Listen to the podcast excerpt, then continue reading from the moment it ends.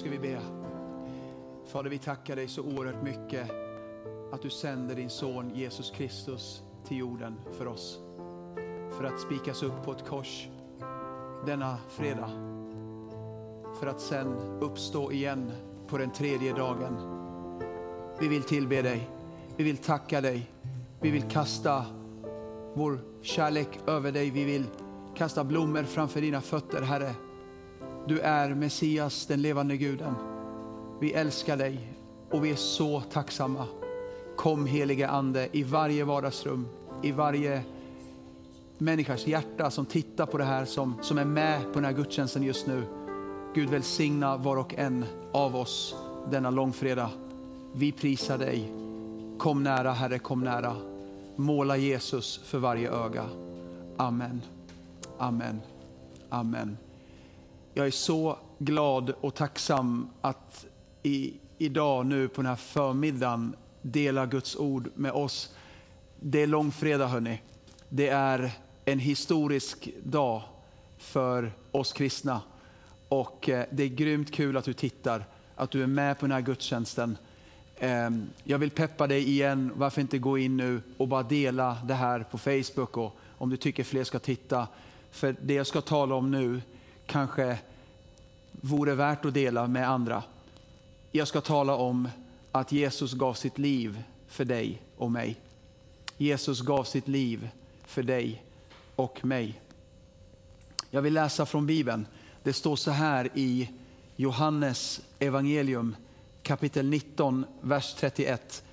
Hör. Eftersom det var tillredelsedag och judarna inte ville att kropparna skulle hänga kvar på korset efter sabbaten bad de Pilatus att de korsfästas ben skulle krossas och kropparna föras bort. Soldaterna kom därför och krossade benen på dem som var korsfästa tillsammans med honom, alltså Jesus. Först på den ene, sedan på den andre. När de därefter kom till Jesus såg de att Jesus redan var död. Då krossade man inte hans ben. Men en av soldaterna stack upp i, i hans sida ett spjut och genast kom det blod och vatten. Ty detta skedde för att skriften skulle uppfyllas. Inget ben ska krossas på honom. På ett annat skriftställe står det, det ska se upp till honom som det har genomborrat. En stark text, men exakt det jag läste var precis det som hände för 2000 år sedan. Jesus Kristus gav sitt liv för dig och för mig. Han gav sitt allt för dig och för mig. Den 21 augusti, förlåt, 21 mars 1986 släppte man en artikel i en vetenskapstidning, i en forskartidning, där man presenterade ny forskning kring Jesu korsfästelse. Hör det här, för det här är superintressant. Man skrev att vid tiden Jesus korsfästes så hade man slutat driva spiken på handflatan och man, för att man insåg att handflatan var inte tillräckligt stark att bära upp kroppens vikt. Det hände flertalet tillfällen att de som spikades upp på en korsfästelse kunde då rycka loss sina händer för att frige sig själva. Och sen var det folk som befriade dem och det här, de här upploppen pågick. Och man hade insett detta och man insåg att det inte är tillräckligt starkt att korsfäst driva spiken i handflatan. På grund av det började man driva spiken här. Ni ska få se en bild på det. Det finns en bild där artikeln publicerar hur man satte spiken mellan två ben i handleden så att personen som spikades upp inte kunde rycka sig fri. Genom att göra så, då orsakade man också mycket mer smärta hos personen för att man träffade en nerv som fick fingrarna att krokna och det gav en olidlig smärta i axlar och armar. Sen var det så här också att det var en sak till vid Jesu korsfästelse.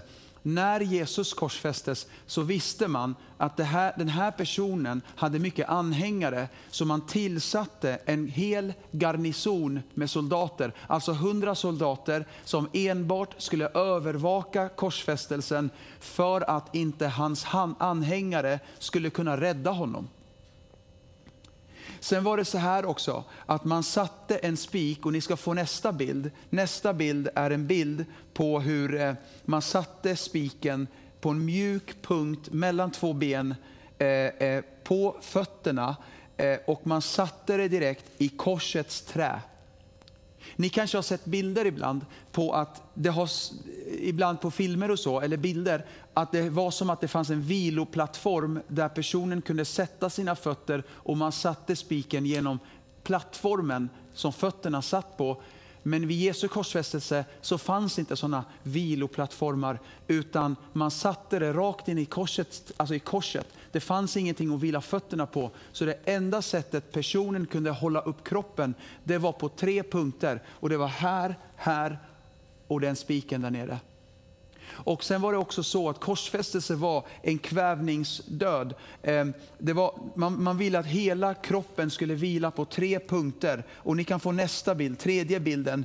Ehm, då ser ni bilden på hur eh, en person är på ett kors och ehm, för att kunna då andas, för att kunna dra in anda i lungorna, då var personen alltså tvungen att lyfta upp sig själv för att det var en kvävningsdöd detta, att man lungorna trycktes ihop så man kunde inte andas. Så man var tvungen helt enkelt att trycka upp sig själv med hjälp av tre punkter och det skapade en sån olidlig smärta.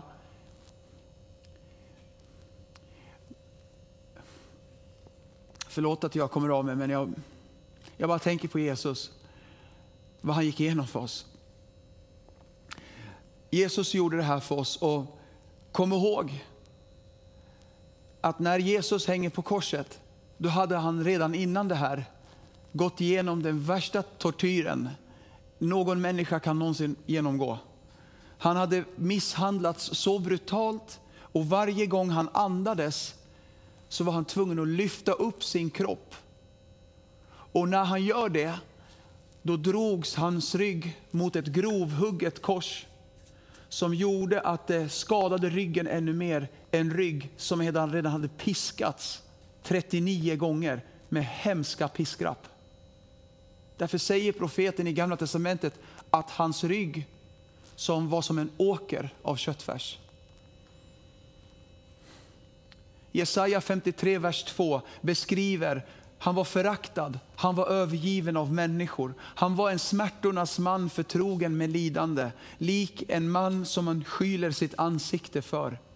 Så föraktad att vi räknade honom för intet. Men det var våra sjukdomar han bar. Det var våra smärtor han tog på sig. Han var genomborrad för våra överträdelsers skull.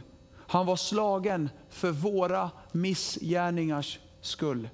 Straffet var lagt på honom för att vi skulle få frid. Och genom hans sår är vi helade.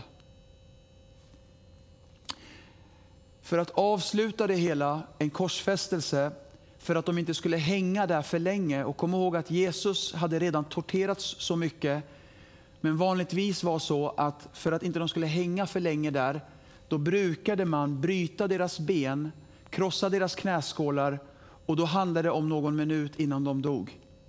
Och de dog inte för att de hade tappat blod, de dog inte för att de hade olidligt ont, utan de dog då för att de kvävdes, för att då kunde inte de ge luft till lungorna, för att lungorna trycktes ihop och kunde ta in anda. Men på Jesus bröt man inte benen läste vi. Han hade redan dött. Men för att vara på den säkra sidan, då tog en av soldaterna ett spjut och spetsade Jesus i sidan. Och det spjutet gick genom hans lunga och rakt in i hjärtat. Du ska få en bild på det också. Det finns en bild i den här tidningen som publicerades 1986 hur spjutspetsen gick genom lungan och rakt in i hjärtat. medicinsk forskning bevisar att om blod och vatten sprutar, för vilket det gjorde, det står att mannen som spetsade Jesus, över honom sprutade blod och vatten från Jesus. Det bevisar en sak i medicinsk forskning. Det bevisar två saker. Om blod och vatten sprutar, då bevisar det att nummer ett, att personen redan är död. Och nummer två, lyssna på det här, att, att Jesus dog inte av att han kvävdes, utan Jesus dog för att hans hjärta hade exploderat. Låt mig säga det på ett annat sätt. Hans hjärta exploderade för dig. Snälla kom ihåg, och Jesus sa det själv, ingen tar mitt liv, sa Jesus. Jag ger det av fri vilja. Det är inte judarna som tog hans liv, det är inte romarna som tog hans liv. Det är inte, ingen tar Jesu liv, han gav sitt liv för att han älskar dig. För att du ska slippa gå förlorad. Guds vrede över synden hälldes på Jesus Kristus. Alla skulder som vi hade tog Jesus så att vi kan bli fria. Alla sjukdomar, alla synder tog Jesus Kristus. Han tog betalningskravet som vittnade mot oss.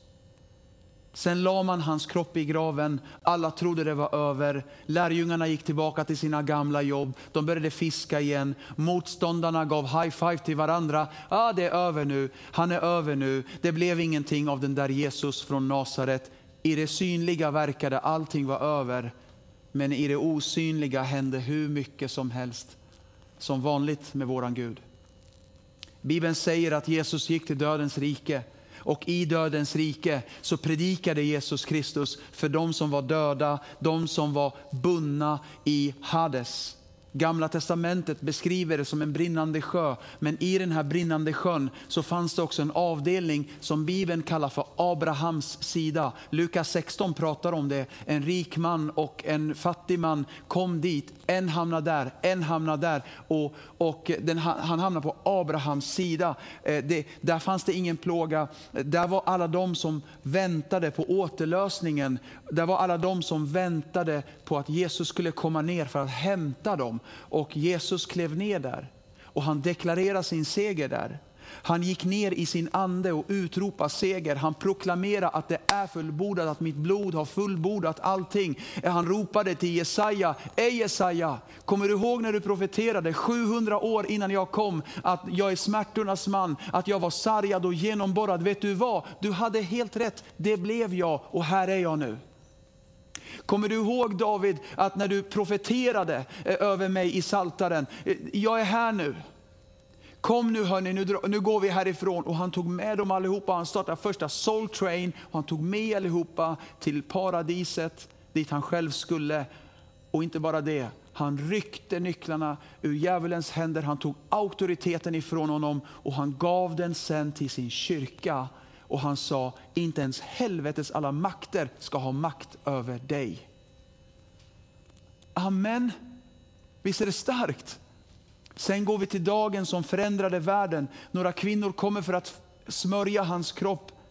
Och när de kommer dit ser de en ängel sitta på en sten. Och ängeln säger, varför söker ni de levande bland de döda? Han är inte här, han har uppstått.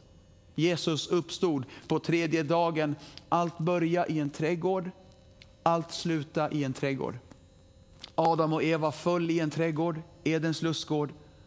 Och i ett sevande trädgård bestämde sig Jesus att gå hela vägen för Fadern och överlämna sig själv. Och det var i en trädgård Jesus stod upp igen. Amen. Påskens budskap det är att vårt sista andetag här är vårt första andetag där i himlen.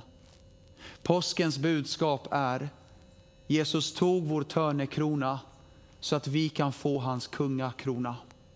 Påskens budskap är att Guds son blev människoson så att människosöner kan bli gudasöner. För den som tror på Jesus Kristus och erkänner det offer han gjorde på korset för 2000 år sedan, finns det frälsning, finns det evigt liv, finns det förlåtelse, finns det en ny start i livet. Ta emot Jesus. Ta emot Jesus. Den som tror på mig ska aldrig någonsin smaka döden, sa Jesus. Han älskar dig och han väntar på din personliga inbjudan att du själv öppnar ditt hjärta. När jag var i, eh, i ortodoxa kyrkan en gång, jag är uppväxt i ortodoxa kyrkan, jag var där, det finns ikoner, ganska mycket ikoner. Jag såg en bild att Jesus står vid en dörr och knackar. Men den här ah, dörren han knackar på, det var typ som ett träd. Det fanns inget handtag på den här ah, dörren. Han står och knackar och jag, jag, jag, jag iakttog att det fanns inget handtag på dörren. Och ty, jag, jag googlade upp det, varför finns det inget handtag på dörren? Jag var lite nyfiken och tydligen hade den frågan ställts till den som målade tavlan för länge, länge sedan. De frågade den här personen som målade tavlan, varför har du inte ritat dit ett handtag på dörren som Jesus knackar på? Dörrar har handtag. Då svarade han, det var medvetet. Det är ingenting jag har glömt. För så här funkar det. Vårt hjärtas dörr har inte handtag på utsidan. Vårt hjärtas dörr har bara handtag på insidan. Den som bor där behöver öppna för att den som ska komma in behöver komma in. Med andra ord, Gud knackar, du hör hans röst. Är det inte dags att gå fram till dörren och öppna? Gud kommer inte trycka in sig själv och sparka upp dörren. Han är en gentleman, han väntar på din inbjudan. Öppna ditt hjärta för honom, säg ja. Säg ja. Låt honom förvandla dig. Bara två tillfällen i Bibeln ser vi att Jesus gråter. Bara två. I engelskan står det några gånger till att det står att he cried out. I Getsemane trädgård står det till exempel he cried out to the father. Han, han, och man kan översätta det med han ropar ut eller han, han, han, eh, han, eh, han verkligen desperat ropar till Gud. Men om man kollar i grundtexten så är det bara två tillfällen Jesus faktiskt grät. I Johannes 11 är första tillfället. Vi kan läsa där att han, uppväcker, han ska uppväcka en man som var död. Han heter Lazarus. Han kommer dit, i vers 35 står det, kortaste versen i hela Bibeln, det står och Jesus grät. Men hör, Jesus grät inte för att han hade förlorat Lazarus.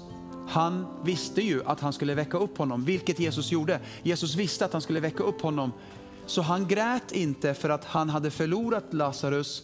Han grät för att han såg sorgen hos hans systrar Marta och Maria. Han grät inte för att han hade förlorat något. Han grät för att de hade förlorat något. Andra gången Jesus gråter, det är när han rider in i Jerusalem. Det var palmsöndagen. Han rider in i Jerusalem och nu grät han över Jerusalem för att Jerusalem visste inte vad de gick miste om. Han grät inte för att han hade förlorat något, han grät för att Jerusalem hade förlorat något. Båda tillfällena gråter inte Jesus för att han hade förlorat något, han gråter för att de hade förlorat något. Snälla hör mig. Idag gråter Gud över dig